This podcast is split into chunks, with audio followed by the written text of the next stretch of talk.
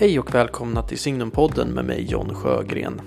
En samtalspodd producerad av tidskriften Signum som rör sig högt och lågt, vitt och brett inom Signums intressesfär. Det vill säga kultur, teologi, kyrka och samhälle. Temat för det här avsnittet är Bibeln och litteraturen. För att samtala kring detta har jag med mig Josefin Holmström, författare, litteraturvetare, disputerad vid universitetet i Cambridge samt skribent och kritiker i bland annat Svenska Dagbladet och tidningen Dagen. Avsnittet handlar om Bibeln som litteratur men också om hur Bibeln påverkat den västerländska litteraturhistorien. Vi dyker ner i två moderna svenska verk, Niklas Rådströms roman Boken samt en novell av Torgny Lindgren som förhåller sig till och leker med den bibliska traditionen på olika sätt. Det blir ett samtal om tolkning, Gud som författare, världen som text och de oändliga betydelseskikt som de bibliska texterna rymmer.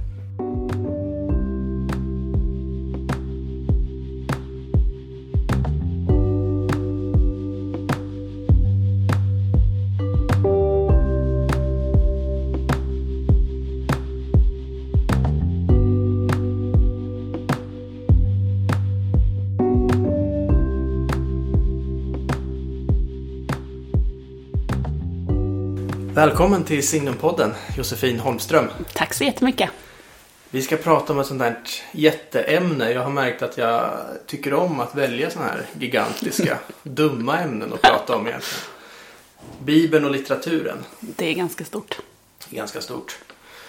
Och eh, lite Bibeln som litteratur. Mm. Hur har Bibeln påverkat litteraturen? Mm. Jag tänkte jag skulle inleda med en anekdot, eller vad vi ska säga. När jag läste min allra första kurs på universitetet, var A-kurs i litteraturvetenskap. Då var det första, det allra första som läraren sa på den allra första föreläsningen, det var Kan du din bibel, då kan du hela den västerländska litteraturhistorien. True words. Det, det, var min fråga då. Tänkte, är det true words? Det är, ju, det är ju tillspetsat men... Ja men det är helt sant. Mm. När jag undervisade i, i, engelsk litteratur i England när jag pluggade där så slog det mig ofta att många av mina yngre studenter hade ingen kunskap om Bibeln. De hade inte läst den i skolan, det var ganska tydligt. Så när vi läste litteratur som var så här, tryckt före 1900 så förstod de inte referenserna. Och jag kunde fråga så här, nu skriver de om Isak här. Säger det dig något? Och de var så här, nej. Så mycket tid gick åt till att förklara. Och jag tänkte alltid att universitetet borde ha haft en åtta veckors introduktionskurs i Bibeln. Mm. För, för sådana som inte har läst den. För man kan inte längre anta att det är det gemensamma dokumentet. Så är det ju. Mm. Nej, jag kommer ihåg att jag kände då, jag var väl eh, 1920 eller något sånt där. Men det var ju min allra första kurs. Jag kom, jag kommer ihåg att jag tänkte så här, yes. För att jag var ju uppväxt med Bibeln. Ja. Jag, jag, hade det med mig naturligt. Jag, var inte, jag hade inte behövt anstränga mig för det. För att det fanns i min, eh, min familj och min släkt. Och så det var naturligt med Bibeln. Mm. Så då tänkte jag, det var ju bra. Vilken fördel jag har. För att jag hade ju såklart noterat att i allmänhet, liksom i den sekulära samhället i stort så var ju kunskapen om de bibliska berättelserna mm. inte så stort. Nej. Men väldigt mycket, om man tar liksom, nästan all litteratur innan här, år 1900 mm. blir ju svår att begripa. Ja. Alltså på djupet, det är klart ja. man kan förstå. Men, ja. Och så står det med väldigt mycket som går en förbi. Absolut. Och jag tänker ibland på så här, även idag. Alltså vi, i, i så här, som populärkultur, mm. så här, att det finns vissa saker då som om man inte har riktigt koll på Bibeln att man inte fattar hur, hur bra det egentligen är. Alltså, en, en sån här, om vi tar popmusik. Mm. En oerhört, är väl en av de mest uttjatade låtar som finns med den här Leonard Cohens Halleluja. Ja. Jättefin låt, eh, men man har ju nästan hört den till ledande. Och det är en låt som alla älskar. Mm. Men som kanske ingen förstår. Nej, precis. För att vem är den här David? Vem är den här David? The secret chord. That pleased the Lord. Och uh, vem är det? You saw her bathing on the roof. Ja, jag har inte tänkt på det. Måste, jag har ju alltid hört den låten med den här berättelsen visuellt i huvudet. Men det måste ja. ju låta jättekonstigt för de som inte har det.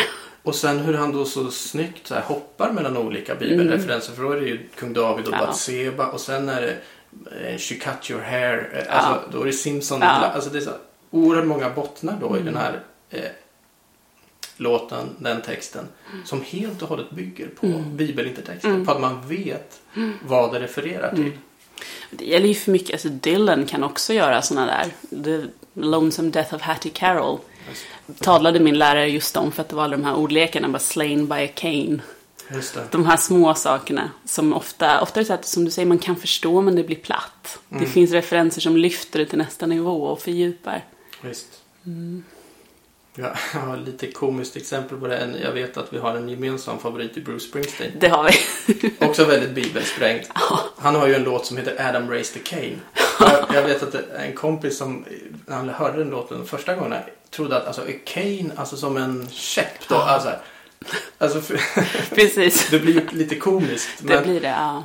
men eh, ja. Nej, Springsteen har ju verkligen, han har det här bibliska landskapet också. Som är mer en känsla av, det är någon som har använt frasen the Christ haunted landscape för att beskriva amerikansk litteratur från södern. Mm, Och så kan det kännas för mig när jag lyssnar på Springsteen också, att det finns en, en, eh, en djupare känsla där som jag inte tror att man nödvändigtvis får tillgång till om man inte plockar upp det här bibliska.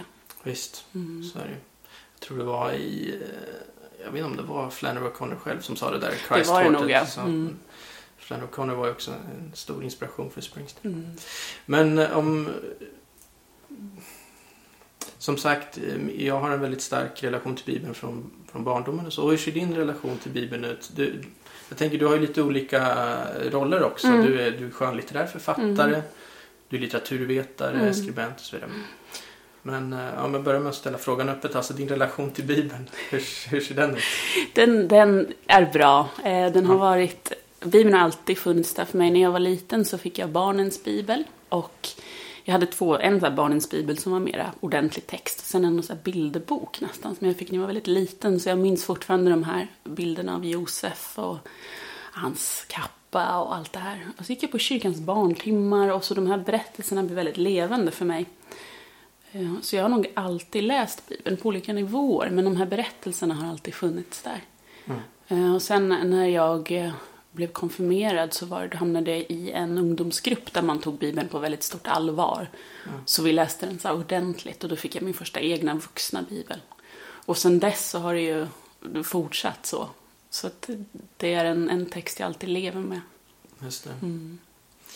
Har du något eh, förhållanden till den som författare? Jag tänker som skönlitterär författare. Mm. För det är det vi ska försöka ringa in lite här Mm. idag.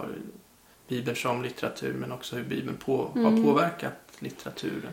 Finns Bibeln liksom på ett medvetet plan på något sätt när du, när du skriver skönlitterärt? Jo, men det gör den för att allt jag skriver är... Det är som att det här bibliska mönstret finns nedlagt om, om frälsningshistorien på något sätt. Den här kurvan av, av syndafall, kaos, förlåtelse och återupprättelse. Och det är ju en sån här grundläggande berättelse för hela världen. Men jag tror det finns i mig även om jag inte skulle försöka skriva det så ser jag att det händer när jag skriver. För att det är en djupare dynamik. Ehm, och sen var det väl så att det var nog först på universitetet som jag började tänka på Bibeln som litteratur. För att jag var så uppvuxen i så här bibeltroget, eh, det var mer så instruktionsmanual nästan. Eh, och sen i Oxford så hade jag en lärare som var så här, men nu ska ni ta en vecka och så får ni läsa en bok som inte är som är utanför kursen. Och då valde jag att läsa ur Bibeln. Och så fick jag reflektera över den som så här, dramaturgi. Och det var väldigt intressant, väldigt ögonöppnande för mig. För jag började se de här narratologiska sakerna som händer. Och då började, ja, och då började jag också tänka på att faktiskt är det så att Bibelns böcker är olika genrer. Det är historisk biografi, det är poesi, det är profetior, det är historia. Och det är ju ganska så här wow när man först inser det. Bibeln är inte en bok, det är en samling av massa olika böcker i en Exakt. rad olika genrer. Mm. Exakt. Därför kan det vara väldigt svårt att säga att Bibeln säger så här eller Bibeln, Ja. Bibeln lär så här. Och det har väl något, det där har jag fått kämpa med inom frikyrkan också tror jag. För att ibland, i vissa sammanhang är det som att Bibeln är en bok. Och så har det ingått lite i min personliga resa att säga, men Höga visan är inte samma sak som Matteus evangeliet som inte är samma sak som Första Mosebok. Eh, Och det är ju både så lite läskigt och spännande kan jag tycka. Mm. Det är lite både och där tänker jag. Eh, givetvis är, är Bibeln en massa olika böcker, en massa olika genrer. Samtidigt som, som kristen så kan man ju ändå se att den berättar ju den stora En frälsningshistorien. ja. Så det, det finns ju någon Ja. mening är den ju ett sammanhängande helt. Precis. Eh, och, och vi som är kristna då, alltså, allting pekar mot Kristus och, och vi Ja. läser hela Bibeln i, i ljuset utav Ja, det är ju Jesus hur. Gud har uttryckt frälsningshistorien genom olika människor, olika tider och olika genrer. Så det är så här multimediaverk på något sätt. Och det är Mm. ju jätte, jättehäftigt. Ja, men det är intressant det du säger också för det, alltså, mm, att du då som litteraturvetare upptäcker nya sätt att läsa Bibeln på. Att Mm. det finns de här eh, narrativa strukturerna Mm. och så. Och det där är ju intressant. Jag har eh, senaste tiden, lite inför den här podden, så, så har jag lyssnat på Jordan Peterson. Mm. Som jag har haft en här föreläsningsserie med Ja, just det. alltså, tre timmars föreläsningar Mm. var, om, om Bibeln. Då. Mm. Han är en kontroversiell figur. Han har ju varit borta nu från scenen ett tag. Ja, men, ja, han har inte... Ja, han har lidit Mm. mycket. Verkligen. Eh, och, de, och de här föreläsningarna är väldigt gamla. Jag tror det var innan han blev Mm. sådär kändis liksom. Eh, men han gör ju då en... Jag tror de flesta vet vem Peterson är, men han är ju psykolog, väldigt jungiansk sådär. Mm. Så han gör ju då en slags psykologisk Ja, läsning. myter och arketyper. Mycket Mm. myter och arketyper utav gammaltestamentliga Mm. texter. Han går från Genesis fram till eh, ja, berättelsen om Sodom och Gomorra tror jag. Mm. Eh, och han får ju ut så otroligt mycket Ja. ur dem och det är intressant alltså. Mm. Eh, att det finns de här, för, det, för han får då, som kristen så ska man ju säga att hans läsningar de är inte fullödiga. Nej, liksom, det det, är är inte, det är inte en han- kristen läsning. Han saknar den sista komponenten. Han, han, sista, han, jo, men han saknar ju viktiga komponenter. Men eh, han drar ändå fram otroligt Mm. intressanta saker. Så man ser att man, det finns något djup i dem. Mm. Man kan läsa dem på... Finns de här verkligen djupa psykologiska, mytologiska Ja. sanningarna. Och sen den här Bibeln är ju, när man läser den som kristen så ser man ju hur så här välplanerad den är så att säga. Men det här förebådandet, redan i första Mosebok så ska kvinnans, vi ska trampa på ormens huvud. Ja, visst. Och, och det är den här tråden går igenom och så de underbara i Jesaja och Sakarja och de här. Det visar, det pekar ju hela tiden mot någonting. Och där tänker jag att, att din lärare hade liksom en poäng i att den västerländska litteraturen har vuxit fram tillsammans med Bibeln och jag tror att också hela den dramatiska kurvan man ser i den västerländska litteraturen är delvis hämtad från Bibeln. Det här med liksom, de, pratar- man talar om att det finns vissa grundläggande berättarstrukturer som hjälten som återvänder hem och Mm, mm. barnet som överlever. Och mycket av det här är ju liksom det syns i Bibeln och jag tror att mycket har kommit därifrån. Visst. Det är två saker som har vuxit upp tillsammans, den sekulära litteraturen och Mm. den religiösa. Mm. Eh, om, man, om man då pratar om Bibeln som litteratur och, och eh, när vi har båda, vi har rubriken om Bibeln och litteraturen. Om man säger någonting som, som eh, sammanlänkar det där är ju givetvis det du säger att de hör ju ihop. Eh, men det är att både Bibeln och littera, all text egentligen måste ju tolkas. Ja, Eh, precis. hur tänker du kring det som litteraturvetare? Alltså i Bibeln har vi ju fått... På många sätt kan det vara lite lättare att tolka än andra saker för att vi har nyckeln i Kristus. Liksom, och läser genom Jesus. Och med det som, så, så öppnas ju alla de här texterna på något sätt. Eh, Jag tänker det måste vara lite annorlunda att läsa Toran till exempel som jude. Mm. Det kanske ser ut på ett helt annat sätt. För mig är det ju allt handlar om Jesus, allt pekar mot Jesus. Det är... Men annan litteratur är ju så, det finns ju en pågående debatt inom litteraturvetenskapen sedan forever om vem som äger en text och om man kan återskapa författarens intentioner när han eller hon skrev. Eller är det bara läsaren som tolkar, eller är det i utbytet, eller är det någon helt annanstans, eller betyder texten ingenting alls? Mm. Och som kristen att läsa Bibeln, det är ju extremt så här, meningsfullt. Eh, Och jag tror att det har påverkat hur jag läser andra texter också, för jag har svårt att se texten som en liten försluten behållare, där, Mm. där ingen annan finns. För det sitter så djupt i mig det där att det finns en författare, det finns en mening, det finns ett budskap. Mm. Och det verkar också vara det intuitiva sättet människor läser på, Mm. Faktiskt. Absolut. Det, det, det tror jag också. Men givetvis att meningen också uppstår i mötet mellan läsaren och Det gör den ju. Så att det är inte en... Det är inte som att avkoda en ren... eh, Liksom att man bara kan fiska ut Mm. meningen där. Nej, precis. Det uppstår ju mellan, du behöver en läsare för att det nästan ska bli en text på ett sätt. Precis. Jo, precis. Mm. Och som a- a- alla bra texter, all god litteratur så finns det ju oerhört många skikt. Alltså man kan läsa på och tolka på. Mm. Man kan inte säga att den här texten betyder det här. Nej. Och sen är det punkt. och Sen så är det klart, Nej, nej. Utan det finns närmast oändliga betydelseskikt Mm. och, och, och olika meningar man kan Mm. utvinna. Och det har jag märkt när jag har skrivit skönlitterära böcker och någon annan har läst dem så har de ofta hittat någonting som jag inte trodde att jag hade skrivit. Men sen när de säger det så är jag så här, men det låter ju sant. Mm, det. Och det är ju det på något sätt. Mm. Så det där är jättefascinerande. Ja, verkligen. Det finns ju en lång, eh, en lång tradition i kyrkan och i, i den kristna teologin om just att när man läser Bibeln att det har eh, man kan utvinna då olika Mm. betydelseskikt men det finns eh, fyra olika betydelseskikt som är de här klassiska som kommer från kyrkofäderna framförallt från Origenes när man läser gammaltestamentliga texterna då. Eh, och då har man då, den första är den historiska eller bokstavliga innebörden. Alltså Vad hände? vad, vad, vad händer? Precis, Na- den naturliga meningen i texten.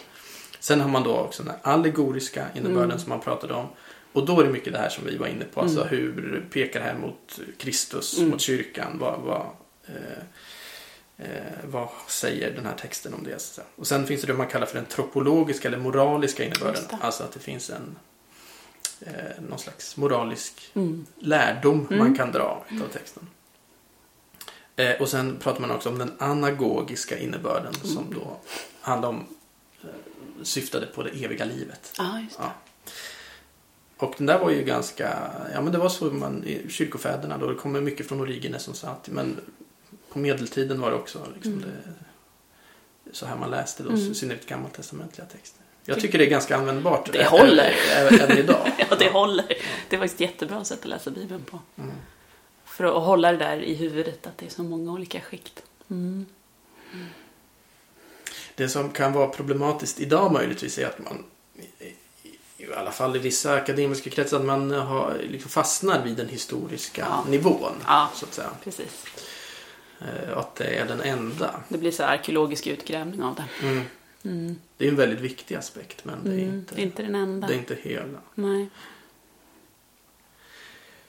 Hur ska man tänka på det här? Och det här kan också föra oss in lite på, för vi har valt ut två, två skönlitterära verk. Mm. Eh, och det här kan lite bli en brygga till den ena. Mm. Så hur ska man tänka då upphovsman? Bibeln Ja. och upphovsman. För här har ju kyrkan också då en hel del som man har sagt om det här. Alltså, vi, vi kallar Bibeln för Guds ord ändå. Mm. Mm. Ja, hur tänker du kring det där? Alltså? Jag tänker att varje ord i Bibeln är från Gud, inspirerat av Gud, nedtecknat av människor. Mm. Men det är Guds ord liksom till oss, vartenda ett av dem. Ehm, Men det fina i kråksången tycker jag är, och jag har alltid liksom älskat det här med Bibeln, är att det inte bara är dikterat utan det, det är människan har fått vara med här. Och fått skapa glädje, liksom psalmerna, David. Det finns ju hans personlighet är ju där också. Väldigt mänskliga texter. Ja, och det tycker jag är så otroligt underbart med Bibeln, att mänskligheten får plats där. Det är inte heller så att det bara är moraliskt föredöme, utan det är många människor i Bibeln som vi inte ska ha som förebilder, men de får vara med ändå. Ja, och även de här, ja men låt säga David till exempel. Är ju en poet, både och. Ja. Va? En förebild och, men han är ju också en fallen. Han precis. blir en fallen konung Ja. och han, han, han, han handlar ju väldigt moraliskt Ja. tveksamt. Ja. Och det är ju den stora skillnaden mellan den andra stora religiösa urkunden, Koranen, som ska vara har kommit ner från himlen så här perfekt utan att någon människa har haft något med den att göra i princip. Vartenda ord är bara så dikterat och Bibeln fungerar ju inte så. Nej. Och jag har, som litteraturvetare så är jag mer lockad av den här där människan har fått vara med. Just det. Ja, eh, Andra Vatikankonciliets eh, text om, om Bibeln, Deje Verbum, den skriver så här att den heliga skrift har Gud talat genom människor Mm, och på människors vis. Precis. Det är väl ett bra, jag en bra Ja, sammanfattning. och där på människors vis också. Jag menar, Jesus använder sig av litterära tekniker. Han har liknelser, han berättar historier för han förstår att så här kommunicerar jag med människorna. Ja, Eh, De behöver de här bilderna och verktygen. ja det, det är ju väldigt intressant. Mm. Alltså att, precis, Jesus som då är ordet inkarnerad precis. då, som är själva, självaste ordet fast i mänsklig gestalt. När han ska kommunicera med oss så, så ger han oss ju ingen lära egentligen. Mm. Eller någon filosofisk... Men det är inte så här, här är writings of Jesus liksom. Nej, han ger oss berättelser. Han, Ja. han berättade liknelser. Mm. Det, det tror jag ju också, alltså den starka betoningen som Jesus gör på berättandet. Mm. Det är klart att det har påverkat den västerländska Ja. litteraturen. Alltså att, att, att berättandet har en sån hög status. Ja, definitivt. Definitivt. Men det jag tänkte då var eh, just det här upphovsman, alltså man tänker sig Gud som författare. Mm. För eh, som sagt, vi har valt ut två moderna verk av svenska moderna författare. Eh, den ena är då eh, Niklas Rådströms Boken. Mm. Vill, vill du säga något om vad det är för... Ja, Niklas Rådström har ju skrivit en bok om Gud som skriver världshistorien. Inte bara att han skriver Bibeln, utan han skriver liksom fram allt som existerar. Och där är fokus väldigt mycket på just Gud som författare. Och Gud som en författare som inte alltid riktigt vet vad som ska komma härnäst. Det är så här, Gud sätter sig och skriver och så är han så här, oj nu kom det en man och en kvinna och nu händer det här och det här och det här och sen så, så löper det vidare därifrån. Eh, Så det är ju en, en väldigt intressant tanke måste man säga. Mm. Um, Så får vi liksom röra oss genom gamla och nya testamentet. Men han, använder- han, det är inte en så kronologisk återberättelse utan det är mer en sorts återgestaltning. Det var ju en pjäs från början som Mm. vi pratade om innan här. Och det märks lite, lite grann att det är ganska sceniskt gestaltat. eh, Den här romanen. Det, det börjar med Eva och Adam och de kallas mannen och kvinnan och så vandrar de som åskådare genom hela boken tills de till slut på slutet blir Maria och Josef när Jesus barnet föds. Så det är väldigt, eh, väldigt snyggt gjort. Mm. Och lite som, ändå lite i linje med det här vi har pratat om, den krist, kristna läsningen av Gamla Testamentet, att det pekar framåt. Ja, precis. Alltså, en tolkning av Maria är ju just som den nya Eva. Ja, precis. Det är en ny start för mänskligheten. Så, att säga. och, så det är ganska Mm. snyggt gjort även om jag tror man inte kan kalla Rådström riktigt för Alltså han, han är inte en kristen författare. Nej, det är han inte. Utan, nej. han är nog mer en författare som faktiskt är... Det står på baksidan liksom att det här är den mest spridda boken i världen. Jag tror att han är fascinerad som författare av Bibelns kraft och Mm. återverkningarna i historien. Och att han... I efterordet så skriver han att han har suttit i många år och funderat över de här bibliska berättelserna. Så jag tror att han har liksom tagit på allvar vad de här böckerna har betytt Mm. för det västerländska berättandet. Och så har han... Och med det, med den ingången har han ändå lyckats säga otroligt mycket om Bibeln som låter väldigt kristet. Mm. Ja men jag tänker nu slå mig, det är lite Jordan Peterson. Ja, lite sådär, Alltså ja. att, eh, vad, vad betyder berättelserna? Vad Ja. är det som berättelse? Ja, Jag har ju också läst den där boken. Jag tyckte den är stark på många Mm. sätt. Men det, ja... Den är ju sådär liksom... Guds förvåning i den är ju lite intressant. Att han hela tiden han skapar de här människorna och så kommer den fria viljan in. För den ger han ändå till dem och så ser han de försöker hela tiden bemäktiga sig berättelsen. De tar vidare någon annanstans. Och det är nog en erfarenhet som skönlitterära författare kan ha. Sådär att man skriver något och så händer någonting som man inte riktigt var beredd på. Eh, och så har Rådström gjort sin gud här då. Eh, Mm. Vilket ju liksom är lite så här, mm, teologiskt. Men det, det öppnar ändå... Alltså det öppnar något om Guds pågående skapande verk på något sätt. Det, det är ju inte så en mekanistisk gud som har skrivit något och satt igång det och, och sen försvunnit ut i faggorna. Utan det är en gud som hela tiden är närvarande i världen. Precis. Det, det första där skulle vi kalla deism Ja, då. precis. Och det, det är ju inte den klassiska Nej. kristna gudsbilden. Eh, och på det sättet ligger ju då Rådströms Gud Mm. eh, faktiskt närmare någon som är med och kontinuerligt skriver Mm. Historien och Mm. verkligheten och Mm. skapelsen som någonting oavslutat. Så är han också väldigt rädd för att bli fel eh, läst, den här Gud. Just det. Det, det finns mycket om sen han, när han har skrivit om, alla, om Israels folk, om krigen och så är han så här, men tänk om människorna tror att det är så här jag är. Mm. När jag hela tiden har önskat en annan rörelse framåt, liksom en annan så här. Ehm, så det, det slog mig ganska mycket när jag läste den här första gången, att det var en Mm. gud som var så här, missförstå mig inte. Just det. Ja, det är ju alltså det, det är ju lite så här, mm, det är en balansgång Ja. det där så att, så att man inte eh, Alltså jag tycker att man, jag tycker att metaforen Gud som författare, ja man kommer Mm. ganska långt med Ja. den. Den är ju inte dålig. Den, Nej, men, den har sina den har begränsningar. sina begränsningar. Och det, det kan ju lätt bli liksom en antropomorf gudsbild. Ja, och det är det ju här. Ja, Det är ju en gud som inte... Alltså det är en gammal gubbe som sitter i ett hus och skriver en bok. Till Mm. slut är det ju så. Ehm, så är det ju. Mm. ehm, men det finns ändå tillräckligt mycket för att göra den intressant teologiskt kan jag tycka. Det här med liksom, ja men Guds pågående skaparakt och människans fria vilja och de här vändningarna som frälsningshistorien tar. Mm. Ehm, Jag kommer ihåg, jag, jag såg ju den där eh, när den var en pjäs Mm. på Göteborgs stadsteater. mm. Och jag kom, den var ju enormt lång, den var så sex timmar Oj. eller någonting. eh, men det jag minns framför allt var att den var oerhört stark på slutet. Ja. För jag, ja, jag minns det som att det börjar liksom ganska, att, att den går genom Bibeln ganska Mm. så här steg för steg. Ja, Och sen när han kommer in i Nya Testamentet Mm. så börjar allt liksom blandas ihop. ja, Och, och det slutade med den där eh, uppsättningen i alla fall med Jona i valfiskens Ja. buk. Men det liknade på samma gång, såg ut som en livmoder. ja. ja, där kan man ju gestalta otroligt snyggt sceniskt. Ja, liksom. så, att, så det var liksom jo, Jona i valfiskens buk. Samtidigt var han Jobb ja. och Jesus. ja. Och, och sen kom det liksom någon Jesaja in där och det var allting. Men grejen var att det funkar. Och det Ja. blev den här liksom kören a- av röster som Bibeln är. Mm. Och, och på något sätt, han var Kristus då också på, Ja. nå- på samma gång. Att allting strålade samman Ja. där. Ja, och så är det ju i boken också. Det är ju väldigt effektfullt. Och där har ju Rådström förstått någon, en djup teologisk punkt liksom, om, om Mm. typologi, om, om det som förebådar Kristus. Så det, det är ju...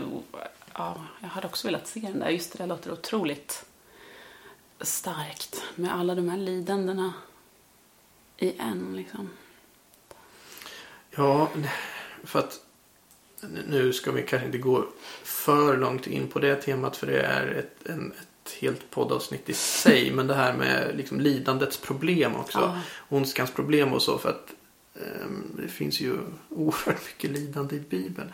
Men jag tänker just metaforen som författare. Mm. Så man kan få lite hjälp Mm. eh, med lidandets problem tycker Mm. jag.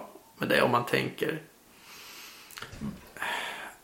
Eh, Man kommer inte hela vägen, verkligen inte. Men alltså. En, det finns inga berättelser utan lidande. Nej. Det finns inga berättelser utan mörker.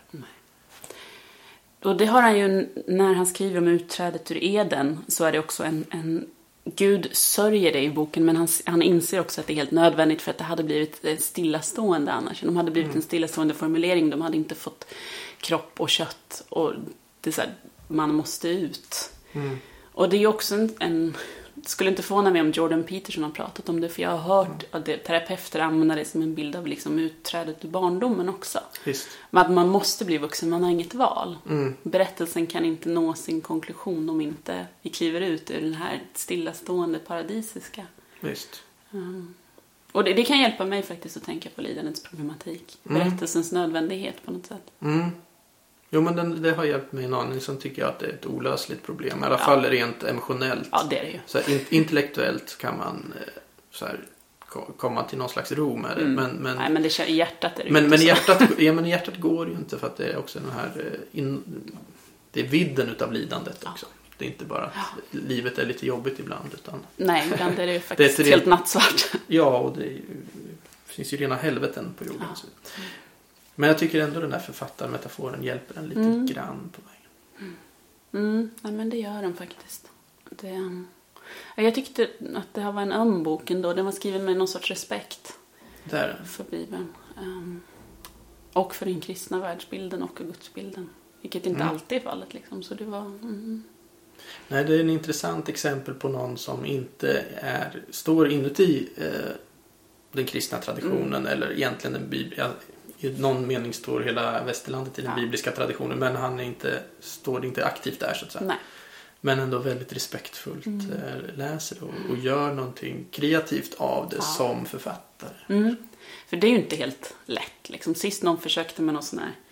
Det är ju Paradise Lost, John Milton. Han gjorde Mm. en, en, en stor, ett stort bibliskt epos som jag alltid har varit lite sådär...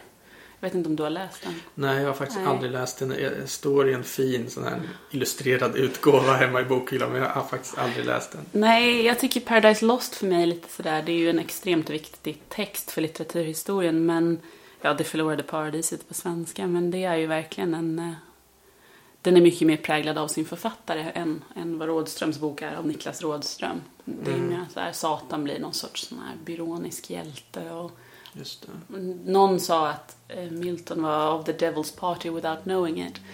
ja, just det. För att han tyckte att det, att det var mer spännande med det än med frälsningen tror jag. Han tyckte att det var den här antihjälten och det, den här antihjälteidén föds ju någonstans här. Mm, just det. Ehm, men det är ju...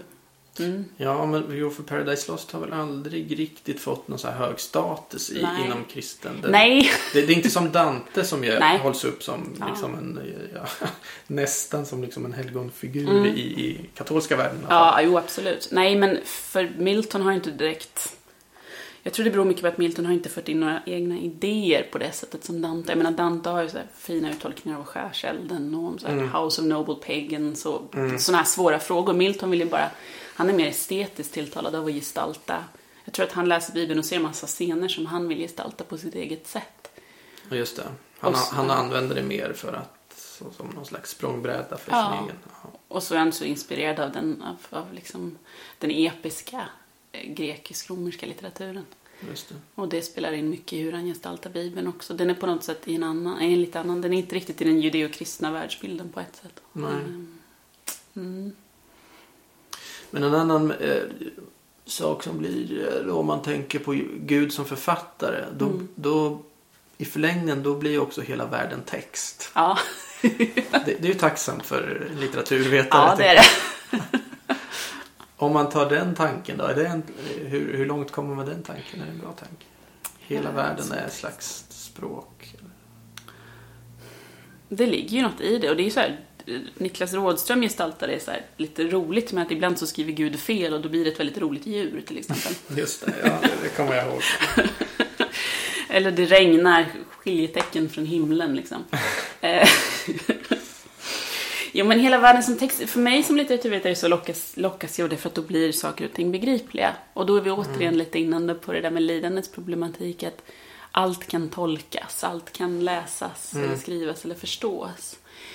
Eh, så man, man kommer en bit men återigen när man väl står inför det själva lidandet i den egna kroppen eller i sin närhet så kommer man inte längre. Nej. För att det, det ligger bortom orden. Och Mm. det är det här avant la lettre, det är förespråket på något sätt. Och Precis. där är ordlösheten. Eh, och då hamnar man, då hamnar man tror jag till slut hos Kristus, liksom, i begynnelsen. Mm. Man hamnar i den här stora tystnaden och där kan man vila, men språket räcker inte Nej. hela vägen. Det tänker jag är... Mm, ja, jag, jag delar nog helt den Mm. världs... Alltså jag, så, så upplever jag nog tillvaron också. Alltså på något sätt så upplever jag att allt kan tolkas. Alltså jag uppte- allt är tecken på Ja. något sätt. Ja. Eh, Allting säger det någonting Mm. och allt kan tolkas.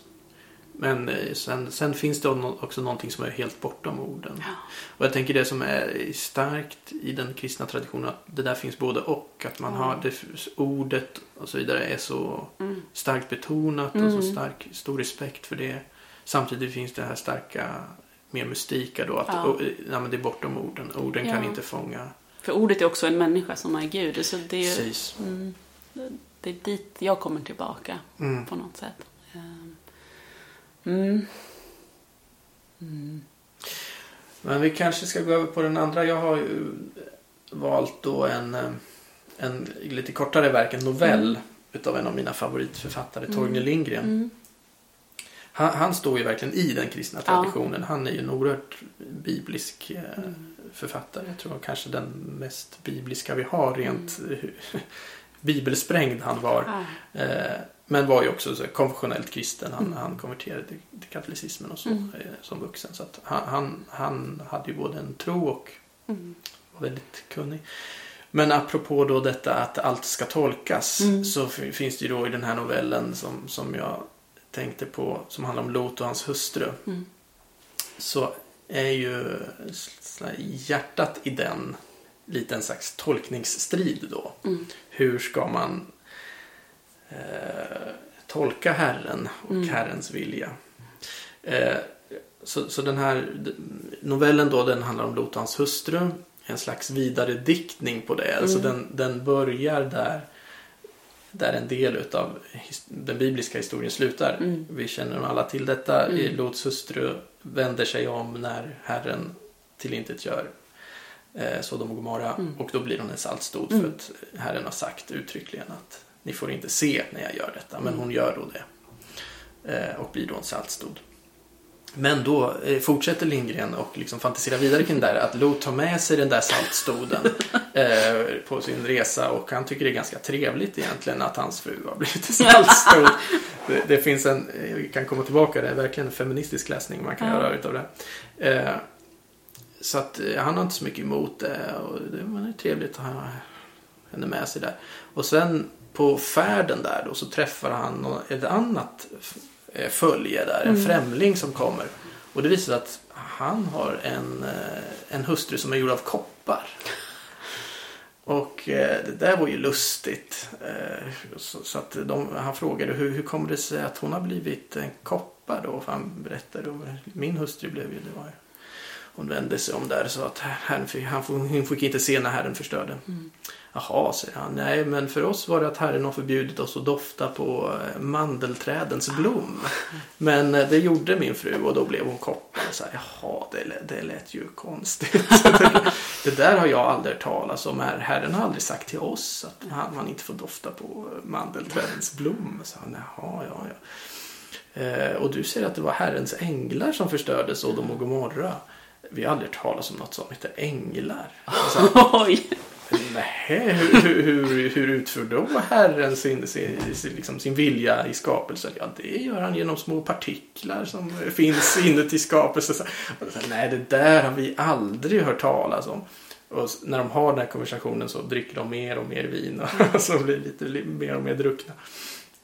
Eh, slutar till, till sist med att Lot då säger att men det, det måste ju vara så att din hustru här, din kopparhustru, hon, måste ju, hon är ju resultatet av avgudadyrkan. Och så spottar han han- kopparfrun i ansiktet. Och till slut börjar de slåss, liksom handgripligen slåss. Eh, och ja, om man stannar där en stund Ja. så, så finns ju, då blir det en slags metadiskussion Ja. om tolkning. Bibeltolkningar.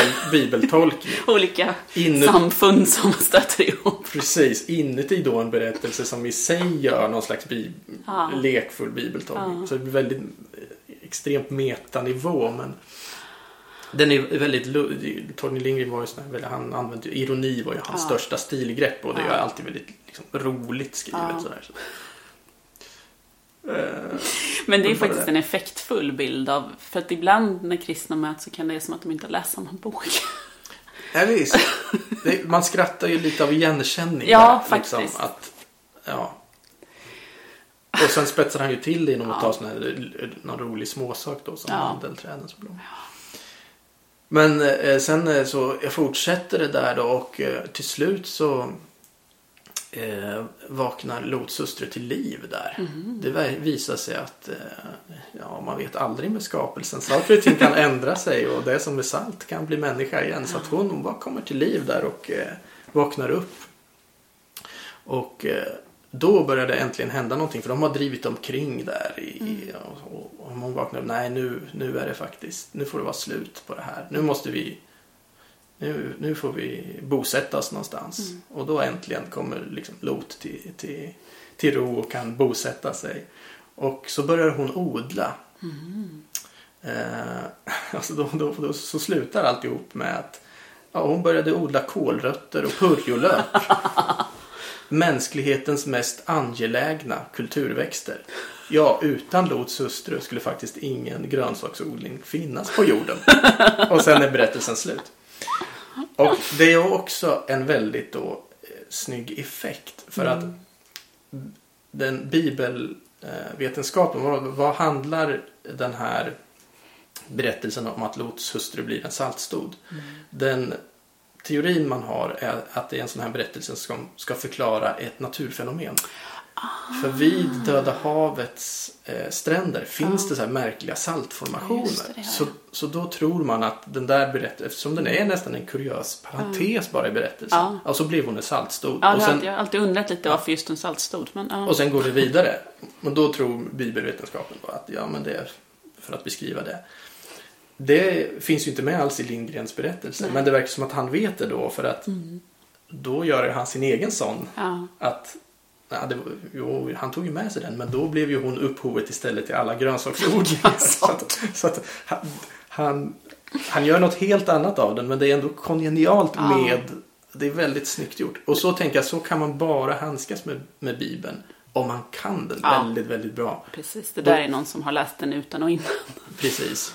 Och då, för då kan man göra någonting som är helt crazy på ett Ja. sätt va? Ja. Och som inte alls finns i Bibeln. Nej, Men precis. ändå är det bibliskt på ja, något sätt. Exakt, han kan Bibelns grammatik liksom.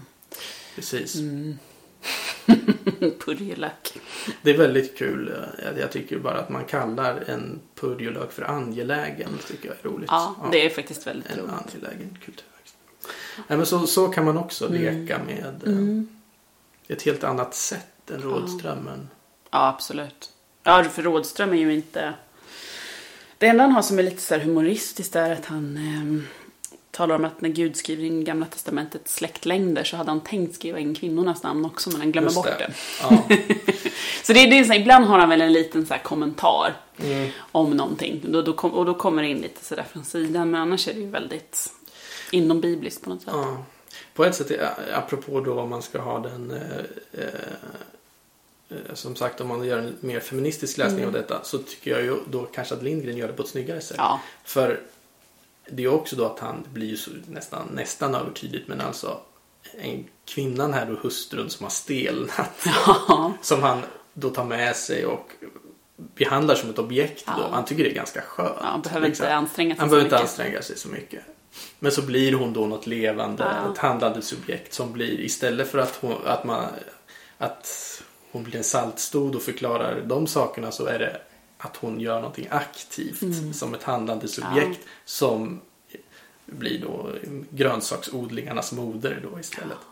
Men det där finns ju, det finns i Shakespeare Winter's Tale också när det är en, ja det är ju den här Pygmalion-myten också då, men, men i Shakespeare så är det en man som liksom sviker sin familj väldigt mycket och eh, får höra att hustrun har dött och så till slut så gör de en staty av henne som ser väldigt livlik ut och så visar det sig att hon faktiskt lever. Men han, så han har också fått det här, han har fått det som ett straff på något sätt att hon har blivit ett objekt och så först när han är redo och har omvänt sig så kommer hon till liv igen. Just det. Så det det är, är en- lite, ja, det är lite samma här. Ja. Ja, ja, men det, det, den aspekten finns här också. För det är ju det här mötet han har med främlingen som på något sätt eh, väcker honom på, på ett sätt då att det finns, an, det finns andra sätt att tolka saker på. precis. Sen finns ju också det här eh, om man tar då den här berättelsen just om Sodom och Gomorra som är bakgrunden då Mm. till den här eh, novellen.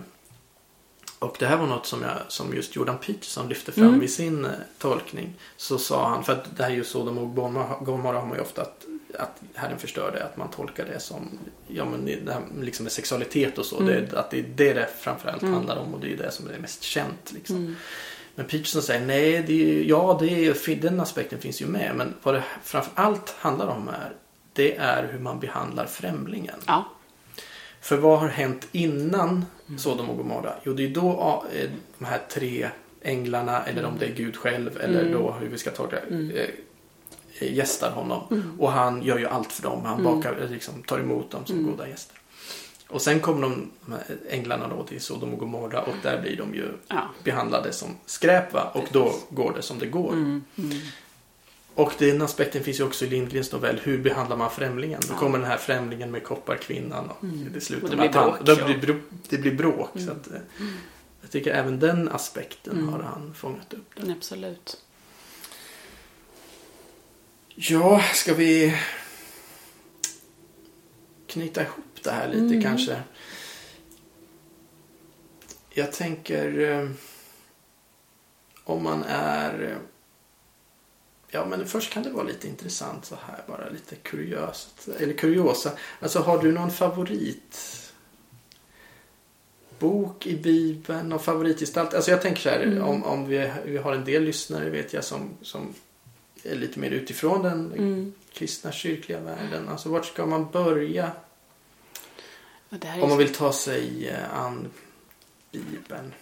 Ska man bara sätta sig och börja med Ja, och läsa den rakt igenom skulle jag nog inte rekommendera första gången kanske. Det, det blir lite långt ibland. Ehm, mina, min, min absoluta favorit är ju Johannes evangeliet. För Mm. att det är, den här, det är liksom det mest poetiska av evangelierna. Och så fantastiskt litterärt och teologiskt. Men i Gamla Testamentet så är det så här, om jag behöver tröst eller om jag behöver känna mig eh, bekräftad i min mänsklighet så är det ju alltid psalmerna. Det är Psaltaren jag återvänder till för där händer det så mycket. Det finns liksom varje mänsklig känsla uttryckt.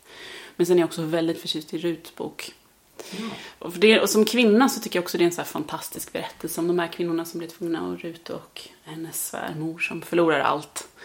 Och blir tvungna att ge sig till ett nytt ställe på en tid där det inte var så lätt. Och Rut ska ut och plocka ax liksom. Och så kommer Boas in och är den här goda manligheten liksom. Det. Eh, Så Ruts bok är en som jag har läst jättemånga gånger. Den här kärleksbandet mellan kvinnorna och sen mannen och så, och så blir hon liksom hon hamnar ju i Jesus släktled. Så det är som att det lite före allt annat underbart som händer. Så Ruts bok är en, en stor favorit hos mig. Mm, det är ett bra tips. Den är lite så bortglömd. Ja, och den är inte så lite, lång heller. Nej, och den är lite så här skymundan alla, alla stora maffiga profeter Ja, där. precis. Och så finns Ruts bok. Det är bra. Och den är, det- jag tror att den är jättebra om man är nybörjare för att den är liten, koncis, visar på något sätt så fint om Guds godhet även i mörkret. Men den, det är en berättelse som är ganska sammanhållen också. Mm. Det skulle kunna vara en roman Mm. eh, faktiskt. Har det skrivits någon uh, skönlitterär variant av bo- Borde jag ha gjort, Det måste kan man jag ha tycka. gjort. Ja, det måste ha gjort för att det, den är ju så... Den var ju så, det är så lätt att dramatisera den på något sätt. Den har verkligen den här, först den här dramatiska kurvan. Först är allting jättefint och så kommer det svält och, elände och så går det rakt ner på botten och så kommer hoppet upp igen. Liksom. Det är, det. mm, och det är en kärlekshistoria. Just det, det är alltid bra. Det är alltid bra.